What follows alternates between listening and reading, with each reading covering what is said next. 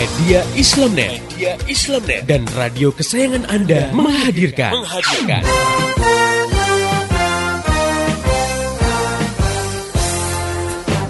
Voice of Islam. Voice of Islam. Voice of Islam.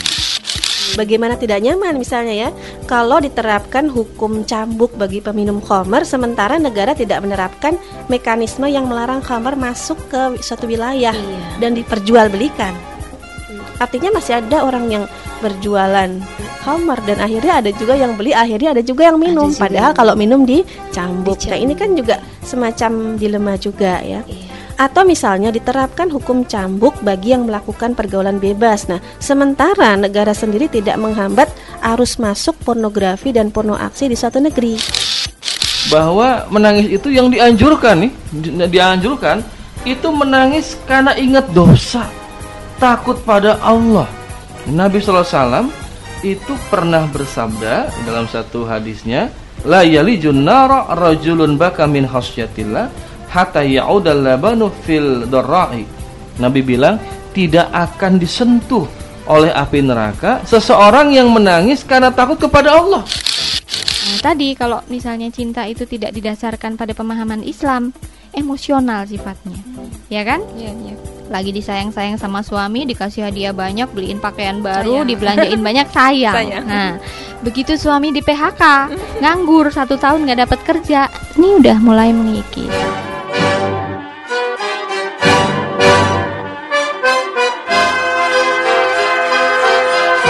Voice of Islam. Voice of Islam. Voice of Islam.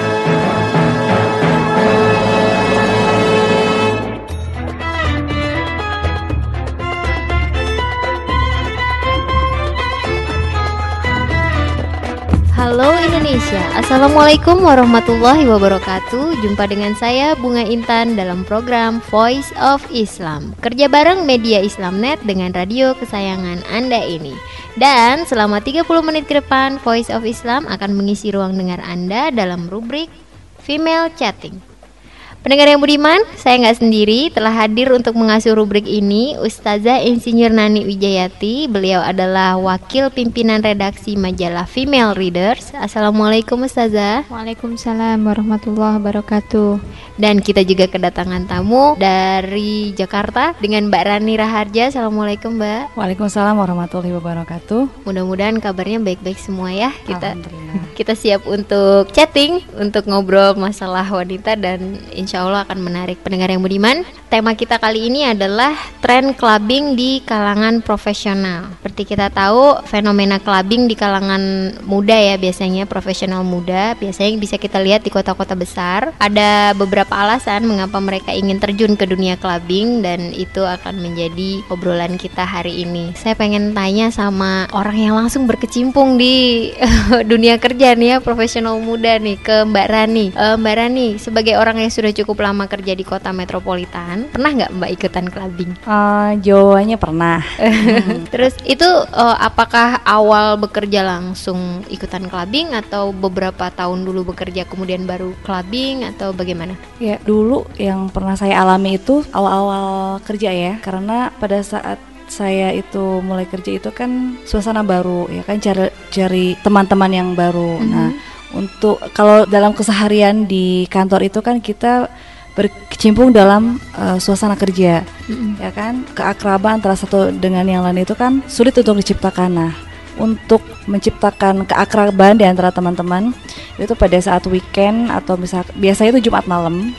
Teman-teman itu biasanya pergi ya kan ke satu tempat lah ya di situ kita makan-makan kemudian juga dengan sambil dengerin musik gitu kan. Kemudian kemudian di situ kita saling cerita ngobrol satu sama lain. Jadi intinya sih ya untuk ini ya untuk mengenal eh, satu sama lain ya teman-teman. Itu clubbingnya Iya, namanya. Ya clubbing. Kalau yang lain-lain mungkin juga nama lain dari clubbing ada juga mungkin dugem kali ya dunia Dugem. gem. Iya dugem itu Iya. nama lainnya itu dunia gemerlap malam. Kalau dunia gemerlap malam itu biasanya banyak juga ya teman-teman yang eh, yang terjun langsung ke ke dugem. Biasanya itu juga dilakukan Jumat malam. Kalau nggak Sabtu malam. Mm-mm. Kenapa Jumat malam? Karena kan pada saat besoknya hari Sabtu kan udah Libur. mulai libur. Oh, iya. Malam minggunya juga hari minggunya libur. Hari minggunya mereka itu istirahat. Biasanya kalau dugem itu kan bisa sampai pagi, bisa Mhm. sampai subuh, sampai Iya, jam 4 atau jam 4 pulang. Mm-mm. Tapi kalau kalau yang masih insaf-insaf dikit sebelum tidur ya salat subuh dulu.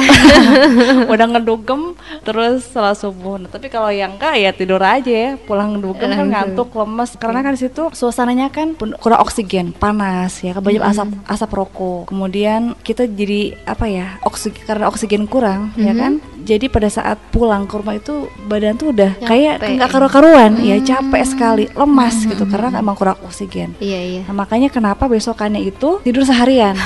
Iya. Oh begitu. Mm, Iya, jadi ya itulah ya kan su- bukan suka duka ya, tapi fe- fenomena lah ya, fenomena dugem atau clubbing lah istilahnya. Mm-mm. Jadi kalau clubbing ini kan eh, atau dugem ini kan eh, ini ya lebih khusus ya biasanya identik dengan suatu klub dan malam Mm-mm. eh, musik dan tempat berkumpul di tempat yang pengap atau segala macam karena mungkin banyak orangnya. Kalau alasan Mbak Rani sendiri dulu ikutan clubbing sama teman-teman itu apa? Alasan sebetulnya itu untuk refreshing ya, karena kan seharian kita 8 jam mungkin lebih ya kan kita bekerja itu lebih dari 8 jam sehari. Nah, dari Senin sampai Sabtu malah. Untuk melepas kejenuhan itu kan kita cari suasana yang apa yang rame, yang ceria gitu biar kita tuh nggak penat. Nah, salah satu caranya itu pergi ke apa namanya? ke klub-klub ya. Kita bisa di situ bisa disco atau juga bisa nyanyi-nyanyi, karaoke bareng teman-teman gitu kan. Jadi mencari suasana yang riang biar kita tuh nggak penat gitu. Jadi itu alasan ya kenapa orang-orang itu suka pergi apa ke tempat-tempat hiburan malam. Kalau seperti yang Mbak bilang tadi ya sebagian teman-teman yang ikutan clubbing itu kan merasa asik ya. Mhm. Memang ka- justru karena memang tujuannya memang mencari suasana riang, eh, melepas kepenatan gitu. Kalau di dalam tempat clubbingnya ini sendiri sebenarnya kegiatannya apa saja? Macem-macem. Nah, biasanya memang di situ pertama eh, ada yang ngobrol-ngobrol ya kan sambil minum. Ada yang ada yang pesan minuman haram. Ada yang halal, ada yang Ada haram. halal, ada yang haram Komplit. tergantung ya. Ada yang macam-macam, ada yang bir, ada yang mesen, mes- apa Shirley Temple segala macem.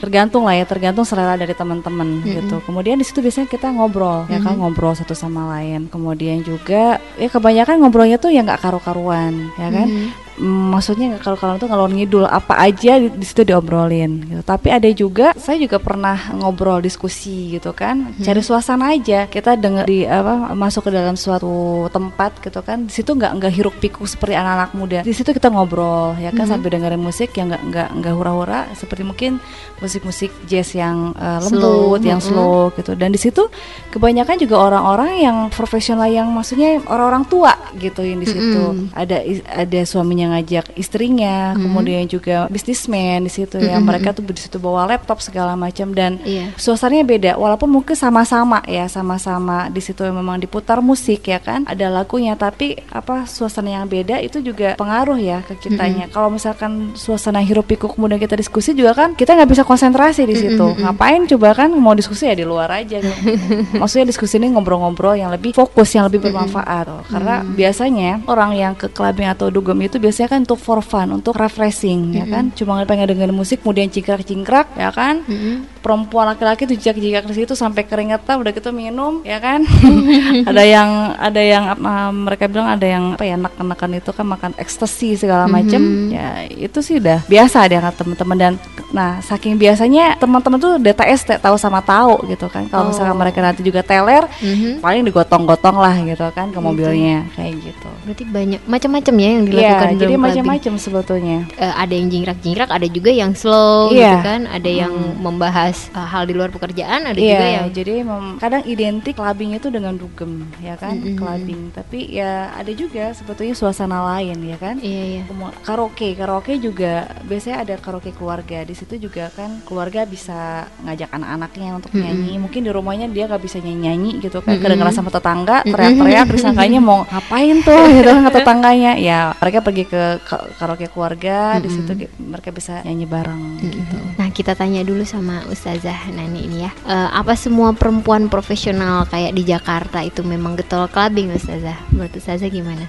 Iya, kalau tadi yang ditanya di satu sisi mungkin memang fenomena itu terjadi di kota metropolitan ya dan Hmm. itu juga sempat mengejutkan saya waktu pertama kali menginjakkan kaki di kota metropolitan gitu ya. Yang mungkin sebelumnya saya ya model orang yang kalau malam itu di rumah gitu. Nah, begitu menginjakkan kaki di Jakarta, saya lihat lepas maghrib itu justru orang baru ngegelar segala macem gitu ya. Mulai di jalan-jalan itu loh kok dagang tuh mulainya justru mau maghrib gitu ya Uh-uh. mulai buka itu saya bilang ini luar biasa kota Jakarta itu justru menjelang malam itu mulai ada kehidupan baru gitu. Mm-mm. sampai ternyata sampai subuh gitu. Nah ini kebalikan dari orang normal gitu ya. Nah barangkali pertama ini suasana yang berbeda di sebuah kota besar di metropolitan dengan di tempat-tempat pinggiran gitu ya di daerah. Bahwa ada satu kehidupan malam yang memang itu dicari oleh eh, apa sebagian kalau boleh dibilang ya mungkin pada umumnya gitu ya pada Mm-mm. umumnya masyarakat kota itu saya melihatnya sebenarnya tidak semua gitu ya tidak semua mungkin yang diceritakan oleh Mbak Rani tadi adalah beberapa fenomena yang memang terjadi pada komunitas profesional tapi tidak semua profesional itu gemar dengan dunia clubbing seperti Mm-mm. ini Mm-mm. Nah, tentu ini tergantung kepada cara berpikir atau pemahaman masing-masing ya. Mm-mm. Saya lihat secara umum di kota-kota besar itu ada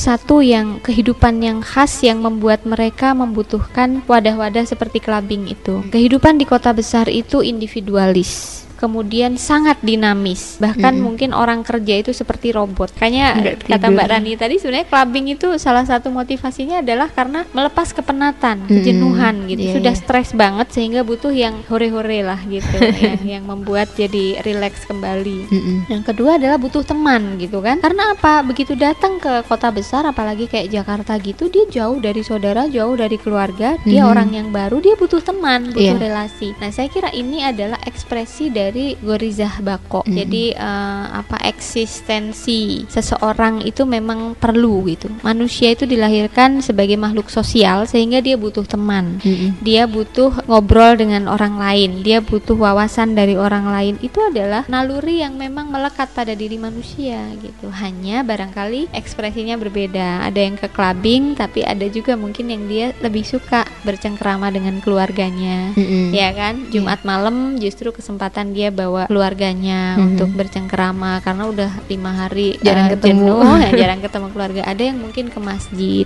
dan Mhm. lain-lain. Saya kira begitu Mbak Bunga. Kalau dari sudut pandang profesional perkantoran, mungkin hal ini dianggap sah-sah saja ya. Mungkin pendengar yang budiman juga berpikir seperti itu gitu. Kita melihat contoh-contohnya, walaupun misalnya kita tidak tinggal di kota besar, tapi kita bisa lihat contoh-contohnya di TV, di sinetron dan segala macam. Dan banyak orang juga yang menganggap ini malah banyak manfaatnya gitu kan. Itu sah-sah saja, banyak manfaatnya dan seperti kata Ustazah tadi untuk pertemanan atau solidaritas dan lain-lain gitu. Apa seperti itu Ustazah? Iya, kalau dari sisi sudut pandang agama, tentu kita harus kaji lebih detail ya. Kalau Mhm. yang diceritakan seperti Mbak Rani tadi bahwa kegiatan clubbingnya itu macam-macam modelnya, ada yang minum khamer, kemudian disco ya Mhm. laki perempuan, kemudian mereka bercampur laki perempuan di sebuah ruangan tertutup dan Mhm. mereka berhura-hura gitu ya, melakukan banyak kemaksiatan-kemaksiatan sebenarnya, maka kegiatan-kegiatan clubbing yang seperti itu jelas dalam sudut pandang agama haram Mm-mm. gitu ya, haram gitu. Jadi Mm. sudah jelas bahwa eh, kegiatan-kegiatannya itu adalah melanggar syariat gitu. Mm-mm. Nah, sementara kalau mes- memang misalnya clubbing itu dilakukan seperti yang dicontohkan tadi, justru bawa anak, bawa istri, Mm-mm. dia bercengkrama. Nah, itu nggak ada yang salah gitu. Atau Mm-mm. misalnya berkumpul dengan teman-teman perkantoran sesama yang bekerja, mungkin lintas perusahaan, mereka Mm-mm. berdiskusi sesuatu yang positif gitu. Mm-mm. Nah, jelas ini mungkin tidak masalah gitu ya, mubah gitu. Nah, eh, artinya kita harus melihat bahwa ada sisi lain yang mungkin perlu direnungkan oleh teman-teman perkantoran. Eh, sisi positif dan negatif banyak mana sih kalau dia Dari ikut clubbing clubbing. itu gitu. Mm-mm. Karena dalam kehidupan seorang muslim sebagaimana ada satu satu moto yang terkenal itu Imam Ali mengatakan al waktu kasyaif katanya. Waktu itu seperti pedang pedang. Nah, ini kan berarti sebenarnya memanfaatkan waktu yang dua hari libur ini gitu. Mm-mm. Nah, kita mau manfaatkan apa waktu ini? Nah, kalau sebagai seorang muslim maka waktu itu sangat berharga seperti pedang. Kalau kita tidak manfaatkan maka kita akan seperti terbunuh, terpotong oleh pedang itu Mm-mm. gitu. Nah, coba kalau kita pikirkan dengan datang ke klub, dengan disco, dengan minum, dengan ngobrol yang dari sore sampai pagi subuh itu kita dapat apa?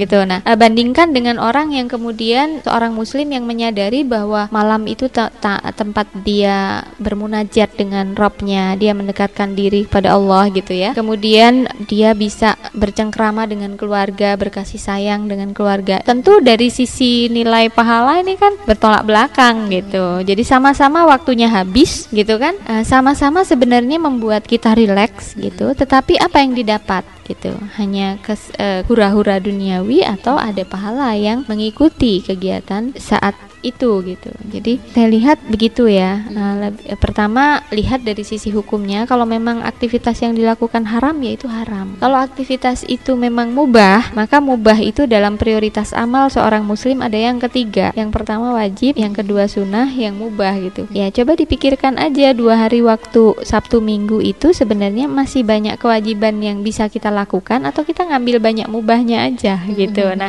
ini nanti yang akan menentukan peringkat nilai amal kita gitu tergantung prioritas kita ya. Iya. Nah, pendengar yang budiman, kita pengen tahu dong alternatif apa sih yang uh, untuk mengganti kegiatan clubbing ini atau memang harus diganti atau tidak? Terus clubbing ini bisa nggak dirubah menjadi sesuatu yang lebih banyak manfaatnya misalnya gitu ya. Ustazah, lalu apa sih alternatif yang lain gitu untuk komunitas yang suka clubbing ini gantinya clubbing ini apa nih supaya uh, menghilangkan kejenuhan tadi yang rutinitas kerja yang bikin penat itu telah mengambil banyak waktu, kira-kira gantinya apa nih yang lebih positif? Mungkin bisa Mbak Rani dulu nih yang punya pengalaman ya. Nah, iya silakan Mbak. Nanti saya tambahkan.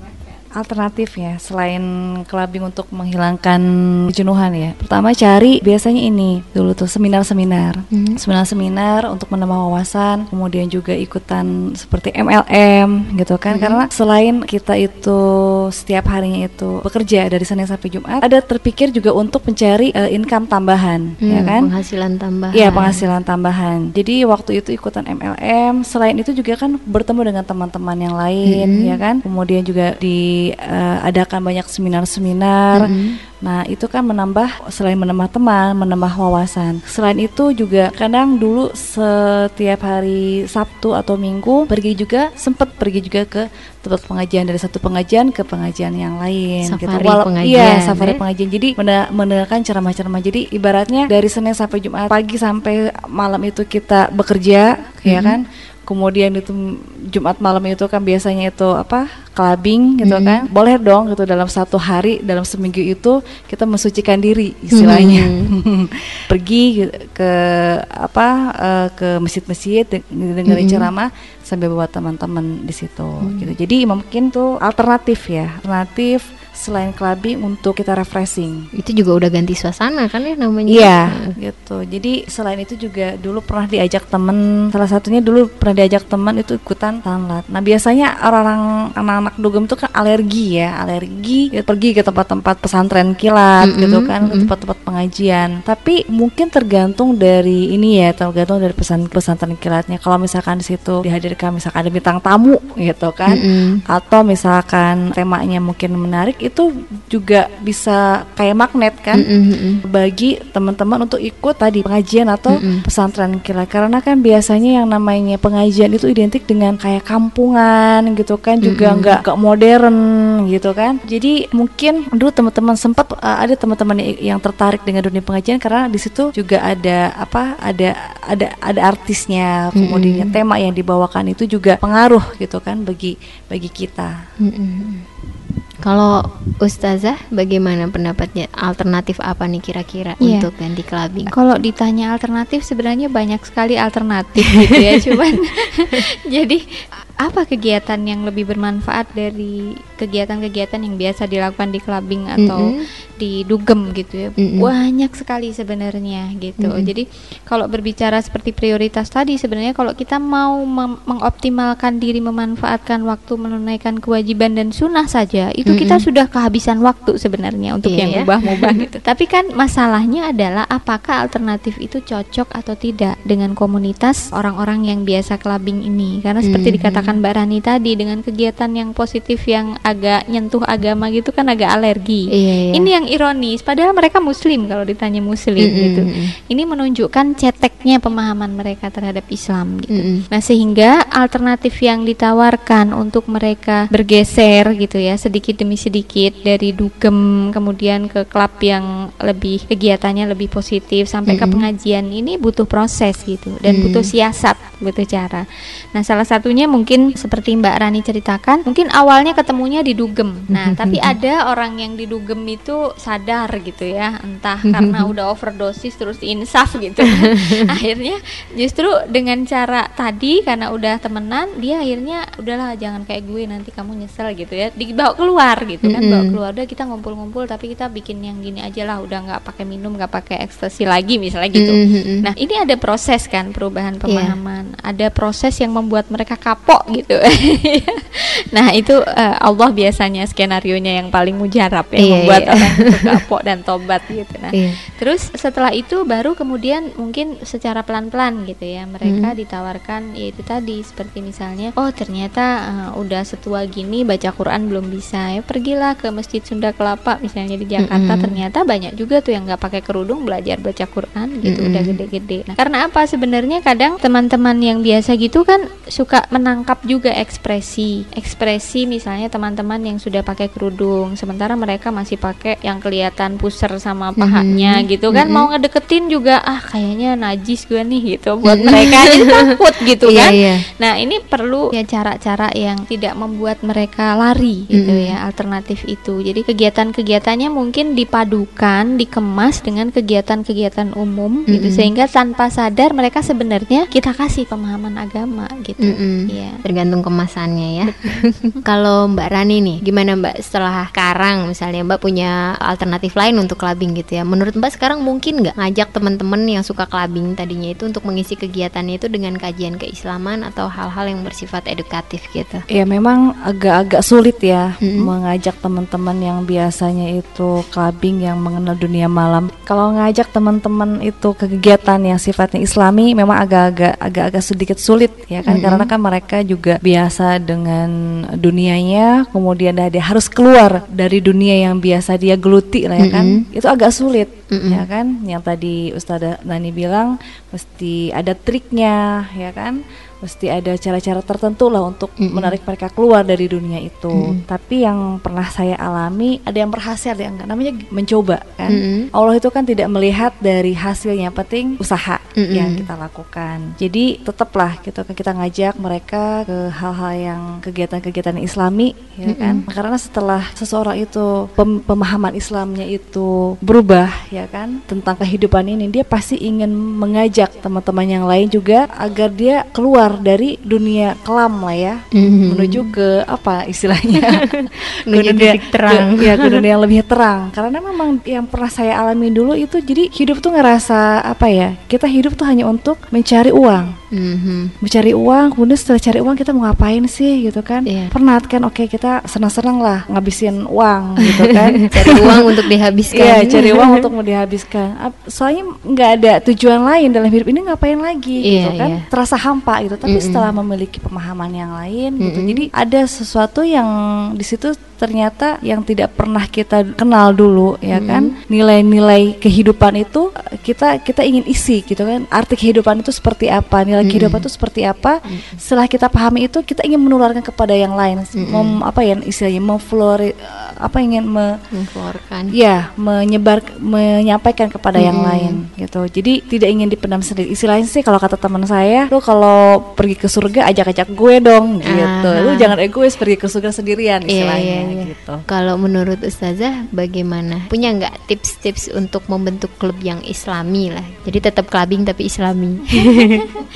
Baik ya. Jadi mungkin kalau saya uh, pengalaman dari mengelola majalah ya, karena majalah Female Leaders yang saya kelola itu sebenarnya juga kepedulian saya dan teman-teman redaksi terhadap kondisi teman-teman muslim yang bekerja di perkantoran. Karena kita punya pengalaman pernah ngisi mereka di mana mereka magnetnya lebih besar kepada dunia yang gemerlap, yang shopping yang begitu daripada ke pengajian gitu. Nah, saya lihat eh, di antara eh, hal-hal yang mesti kita siapkan untuk eh, mengajak mereka adalah yang pertama wadah ya. Wadah yang apa mendekati mereka. Jadi kalau pada umumnya nih ya, kalau kita berbicara muslim pada umumnya, ke mana kita ngajak pengajian? Ibu-ibu, bapak-bapak, anak-anak kita ajak ngajinya ke mana? Ke masjid atau ke Iya. musola pastinya gitu. Nah, tapi kalau kalangan teman-teman ini langsung diajak ke masjid, nah, itu mungkin untuk sholat iya, gitu. Tetapi kalau untuk dengerin ceramah, untuk misalnya ngaji gitu ya, kayaknya enggak deh gitu. Jadi eh, akhirnya kita harus membuat tips bahwa kita membuat wadah pengajian itu mendekati mereka. Jadi kita harus bikin wadah-wadah pengajian di dekat aktivitas mereka Mm-mm. di sela-sela waktu-waktu mereka kerja. Makanya kita bikin itu kalau ada pengajian eh, di perkantoran tuh hari Jumat pas bapak-bapaknya Jumatan nih. Mm-mm. Nah, sebagian tersedot untuk tawaf di mall-mall gitu. Nah, sebagian lagi kita sedot untuk ngaji gitu. Nah, ini salah satunya. Jadi mendekati komunitas mereka. Mm-mm. Nggak bisa kita ngajak bikin seminar misalnya ya, bikin tablik akbar nih, disebarin ke perkantoran. Kita ajak ke masjid ini. Sudah pasti mereka nggak mau gitu. Sulit. ya. Pertama itu. Kemudian eh, yang kedua adalah empati kepada mereka. Jadi kalau kita ngajak ngaji mereka itu nggak langsung yang misalnya judulnya itu makna la ilaha illallah gitu ya. Terus ah, gitu. Terus eh, surga dan neraka misalnya ya. azab Allah gitu kan Iya, iya. azab kubur itu yang nakut-nakutin begitu gitu ya Mm-mm, nah mm. sudah pasti mereka nggak tertarik gitu Mm-mm. jadi dalam menyusun materi, kemudian silabus gitu ya, dalam per, eh, pertemuan-pertemuan yang kita bikin supaya suasananya cair kayak ngobrol sharing gitu aja karena kalau ngedengerin ceramah mereka pasti tidur gitu ya. Mm-mm. Nah, ini tentu dengan kemasan yang mereka butuhkan sebagai entry point misalnya ya. Apa sih yang kehilang yang merasa dibutuhkan yang kering di antara mereka misalnya. Mereka sering kali karena tekanan pekerjaan tuh stres. Ya sudah Iya. kita bikin entry point gimana ngatasi stres. Judulnya sih gimana ngatasi stres gitu ya, Iya, tapi iya. isinya kan nanti kita akan bawa kepada keyakinan kepada Allah, tawakal gitu kan. Iya. Kemudian eh, keyakinan akan pertolongan Allah, kemudian bagaimana kita hidup hanya untuk Allah, pasti Allah akan peduli dengan kita dan lain-lain. Eh akhirnya masuk ke akidah gitu. Nah, kemudian yang ketiga adalah setelah kita kemas materi itu sesuai dengan kebutuhan mereka. Yang ketiga adalah kita harus mungkin kalau misalnya model ceramah di masjid-masjid kan antara penceramah dengan yang diceramahi itu nggak ada hubungan psikologis itu istilahnya hanya jamaah aja gitu ya. Iya, Oh iya. ustadz itu pengajar di ini gitu. Mm-mm. Nah, kalau di teman-teman seperti ini itu harus individual gitu ya, harus menjalin hubungan yang terus-menerus supaya kalau bisa tuh kita menjadi teman kepercayaan dia, Hmm. tempat dia curhat. Iya, Jadi dia nggak perlu clubbing lagi untuk curhat kan? Iya, Nah, iya. cukup datang ke forum kita sehingga ya dia lebih mendapatkan tausiah-tausiah yang positif daripada dia datang ke clubbing dia bisa cerita segala macam tapi abis itu dia nenggak ekstasi terus pingsan gitu kan? Apa dapatnya gitu? Nah, dapet solusi. gitu. Terus yang keempat nih yang mungkin eh, apa namanya memang pengalaman saya misalnya kalau di jamaah-jamaah musola masjid mungkin yang jelas kita tumbuhkan giroh semangat keislaman dan ketakwaannya mereka akan akan bangkit gitu ya akan menyemangati mereka tetapi kalau di kalangan mereka adalah sebenarnya yang dibutuhkan adalah kasih sayang gitu ya kasih sayang itu artinya apa perhatian gitu Iya, kan iya. nggak perlu banyak-banyak dalil gitu dikeluarin gitu kan tetapi cukup dengan say hello nanya kondisinya gimana Mhm. lagi baik lagi ngerjain apa itu udah sejuk gitu mereka sudah merasa sejuk gitu nah itu yang uh, berbeda kan Iya, Nah, sederhana berbeda. tapi penting. Mm. Ya saya kira itu Subhanallah. Ayo mari pendengar yang budiman kita rame-rame bikin klub yang islami. makanya kenapa majalah FR itu kalau di Jakarta kita bikin Jakarta FR Club ya Oh Karena iya, apa ada. Nah, supaya namanya sudah nggak mengerikan gitu kalau dibilang pengajian majalah nah itu sudah ada pengajiannya gitu kalau Jakarta FR Club itu seolah-olah mereka ke klub itu ngapain sih kita ngobrol-ngobrol kita Iya, sharing iya. gitu tapi sebenarnya diceramahin juga di situ Mhm, iya. Iya, menarik sekali. Oke, pendengar yang budiman, itu tadi pembahasan kita tentang tren clubbing di kalangan profesional ya. Bisa kita simpulkan bahwa agar hidup yang lebih bermakna ini hendaknya kan kita isi dengan aktivitas-aktivitas yang positif ya, benar-benar supaya tidak sia-sia. Kemudian untuk menghilangkan kejenuhan itu kejenuhan kerja tidak harus dengan uh, clubbing yang negatif tadi ya, yang lebih banyak mendatangkan mudorotnya, tapi kita bisa bikin klub-klub yang islami, suasana-suasana yang lain. Kemudian, untuk pendengar yang ingin bertanya, memberikan kritik, saran, atau masukan, Anda bisa kirim surat ke radio kesayangan Anda ini atau kirim SMS ke 0856 9492 4411. Saya ulangi ke 0856 9492 4411 atau bisa juga melalui email untuk pendengar yang budiman yang suka berinternet ke mediaislamnet@yahoo.com untuk informasi lebih lanjut soal Voice of Islam, radio-radio di seluruh Indonesia yang menyiarkannya, topik-topik yang akan dibahas, juga info-info lainnya, silakan klik di www.gaulislam.com. Saya Bunga Intan dan seluruh kerabat kerja yang bertugas mengucapkan terima kasih kepada Ustazah Nani Wijayati. Ya, sama-sama. Kepada Mbak Rani Raharja juga, terima kasih atas sharingnya. Sama-sama Mbak Bunga. Oke, terima kasih juga buat pendengar yang budiman yang telah setia mengikuti acara ini. Pesan saya, sampaikan apa yang Anda peroleh dari acara ini kepada yang lain agar rahmat Islam bisa segera tersebar luas termasuk di kota Anda yang tercinta ini. Mari menimbang masalah dengan syariah. Assalamualaikum warahmatullahi wabarakatuh. Demikian tadi Voice of Islam. Voice of Islam. Semoga hikmah yang terkandung bermanfaat untuk kita semua. Amin amin amin ya robbal alamin. Kembali bisa Anda dengarkan Voice of Islam. Voice of Islam menghadirkan topik-topik seputar kehidupan kita esok hari di waktu dan gelombang yang sama.